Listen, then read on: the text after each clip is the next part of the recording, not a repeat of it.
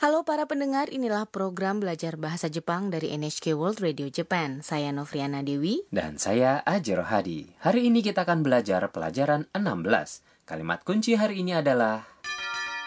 Kaidan wa agatte ni itte kudasai. Silahkan naik tangga lalu pergi ke kanan. Tokoh utama dalam adegan kita adalah Anna, seorang mahasiswi asing dari Thailand. Hari ini Anna datang ke toko buku di Shinjuku bersama kawan-kawannya. Mari kita dengarkan adegan untuk pelajaran 16. Kalimat kunci hari ini adalah 階段を上がって右に行ってください。 Silahkan naik tangga lalu pergi ke kanan. いらっしゃいませ。あのー、漫画売り場はどこですか2階です。 階段を上がって右に行ってください。 Sekarang saya terangkan mengenai adegan tadi. Seorang pegawai toko mengatakan, いらっしゃいませ。 Selamat datang. Ini adalah ungkapan untuk menyambut pelanggan ke toko. Saat kita masuk ke restoran atau toko, penjaganya menyapa kita dengan mengatakan irashaimase. Tapi kita tidak perlu menjawabkan ya. Tidak, Anda bisa cuma tersenyum dan membungkuk dan saat mengucapkan irashaimase. Hentikan nafas selama satu ketuk setelah ra. Irashaimase. Kemudian Anna bertanya kepada pegawai toko, "Ano, manga uriba wa doko desu ka?" Permisi, di manakah tempat penjualan manga? Anna sangat menyukai mangga Jepang, jadi yang pertama-tama ia menanyakan di mana tempat penjualan mangga. Ano. Maksudnya permisi. Anda mengatakan ini saat Anda mulai berbicara kepada seseorang. Mangga uriba adalah tempat penjualan mangga. Ini terdiri dari mangga yang artinya mangga dan uriba yang artinya tempat penjualan. Wa adalah partikel penanda topik. Doko artinya di mana. Des adalah ungkapan sopan untuk mengakhiri kalimat. Kalimat ini adalah pertanyaan dengan ka pada akhirannya.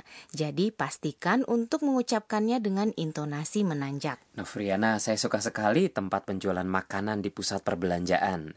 Jadi kira-kira apa yang dapat saya katakan kalau saya ingin menanyakan di mana tempat penjualan makanan? Saya berikan petunjuk ya. Makanan adalah shokuhin. Jadi bisakah saya mengatakan shokuhin uribawa doko desu ka? Sempurna sekali Aji. Nah, mari kita kembali ke adegan tadi. Si pegawai toko menjawab, Nikai des. Lantai dua. Nikai. Artinya lantai dua. Ini terdiri dari angka. Ni. Yang artinya dua dan. Kai yang artinya lantai. Des adalah ungkapan sopan di akhir kalimat. Kalau lantai satu bagaimana? Satu adalah ichi. Jadi apakah ichi kai? Hampir benar, tapi jawaban yang tepat adalah 1階、ichikai sulit untuk diucapkan bagi orang Jepang. Jadi kita mengatakan, 1階、Ikai. Baiklah, saya akan mengingatnya. mari kita kembali ke adegan tadi. Si pegawai toko menjelaskan di mana tempat mangga. 階段を上がって右に行ってください。 Silahkan naik tangga lalu pergi ke kanan. Kalimat kunci hari ini 階段 artinya tangga. を adalah partikel yang mengindikasikan objek suatu tindakan. 上がって、 Adalah bentuk T dari kata kerja 上がります。 yang artinya naik. Dengan menggunakan bentuk T, Anda dapat mengungkapkan serangkaian tindakan yang terjadi secara berurutan. Jadi, Anna harus melakukan tindakan lain setelah ini ya? Betul. Berikutnya, mini artinya kanan. Ni di sini adalah partikel yang mengindikasikan arah. Itte adalah bentuk T dari kata kerja ikimasu yang artinya pergi jika Anda menambahkan kudasai yang artinya silahkan pada bentuk T dari kata kerja, Anda mengungkapkan permintaan. Dengan cara ini, Anda dapat mengungkapkan tindakan berupa naik tangga lalu pergi ke kanan dalam satu kalimat ya. Ya, di sini Anda pertama naik ke atas tangga, kemudian belok ke kanan. Anda dapat menyambungkan kedua tindakan ini dengan mengucapkan agate, yaitu bentuk T dari kata kerja pertama, agarimas, yang artinya naik. Sekarang saya punya pertanyaan untuk Aji. Bagaimana cara mengatakan naik ke lantai 5 lalu belok kiri? Kiri adalah 左 dan lantai 5 adalah 5階 Eto bentuk T dari kata kerja agarimas yang artinya naik adalah agate. Jadi saya mestinya mengatakan gokai ni agate hidari ni ikimas. Apakah betul? Betul sekali.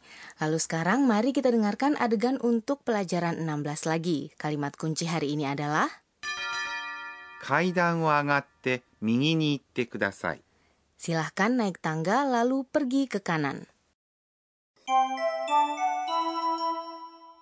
いらっしゃいませ。あのー、漫画売り場はどこですか2階です。 階段を上がって右に行ってください。 Sekarang saatnya pojok Sensei Oshiete. Penyelia program ini, Profesor Akane Tokunaga, akan mengajarkan poin pembelajaran hari ini. Sulit rasanya untuk menggunakan partikel ni. Partikel ini menunjukkan tempat atau arah dan banyak hal lainnya. Jadi mohon ajari kami cara menggunakannya. 私が教えましょう ia mengatakan, jika kata kerja dalam predikat kalimat mengungkapkan keberadaan seperti imas yang artinya berada, ni mengindikasikan di mana sesuatu ada. Misalnya, saya sedang berada di stasiun adalah watashi wa eki ni imasu. Jika kata kerja dalam predikat mengungkapkan pergerakan atau perubahan seperti ikimas yang artinya pergi, ni mengindikasikan titik berakhirnya pergerakan tersebut. Misalnya, saya pergi ke stasiun adalah Watashi wa eki ni ikimasu. Ni juga mengindikasikan titik spesifik dalam waktu, seperti misalnya tanggal atau jam. Misalnya, kita mengatakan Anna datang pada jam 10 dalam bahasa Jepang. Jam 10 adalah Juji. Datang adalah kimas. Jadi kita mengatakan Anna wa juji ni kimasu. Kita tidak bisa menggunakan ni dengan kata-kata seperti besok atau pekan depan karena tanggal spesifik yang merujuk pada perubahan tergantung dari kapan Anda mengatakannya. Jadi jika Anda ingin mengatakan Anna akan datang besok, besok adalah ashita. Jadi Anda mengatakan Anna wa ashita kimasu. Anda tidak dapat mengatakan Anna wa ashita ni kimas. Ni juga punya berbagai fungsi lainnya. Mari kita mempelajarinya saat digunakan nanti. Itulah tadi pojok Sensei Oshiete.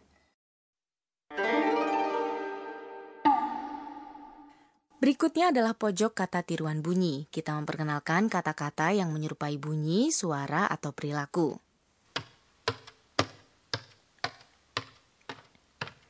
Ini adalah suara orang yang menaiki tangga. Kata tiruan bunyi untuk ini adalah tom-tom.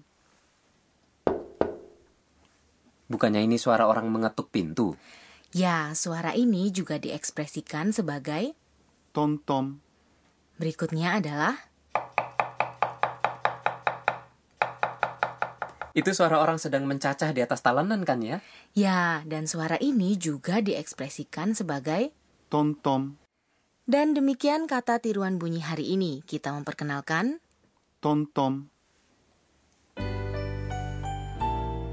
Sebelum menutup perjumpaan, Anna mengingat kembali kejadian hari ini dan membuat catatan. Inilah pojok catatan si Anna. Itu Yuwa. Pegawai toko di Jepang baik-baik, kata-katanya juga sopan. Mereka mengatakan terima kasih banyak meskipun kita keluar tanpa membeli apa pun. Apakah Anda menikmati pelajaran 16? Kalimat kunci hari ini adalah 階段を上がって右に行ってください Silahkan naik tangga lalu pergi ke kanan. Ikutilah episode kami selanjutnya.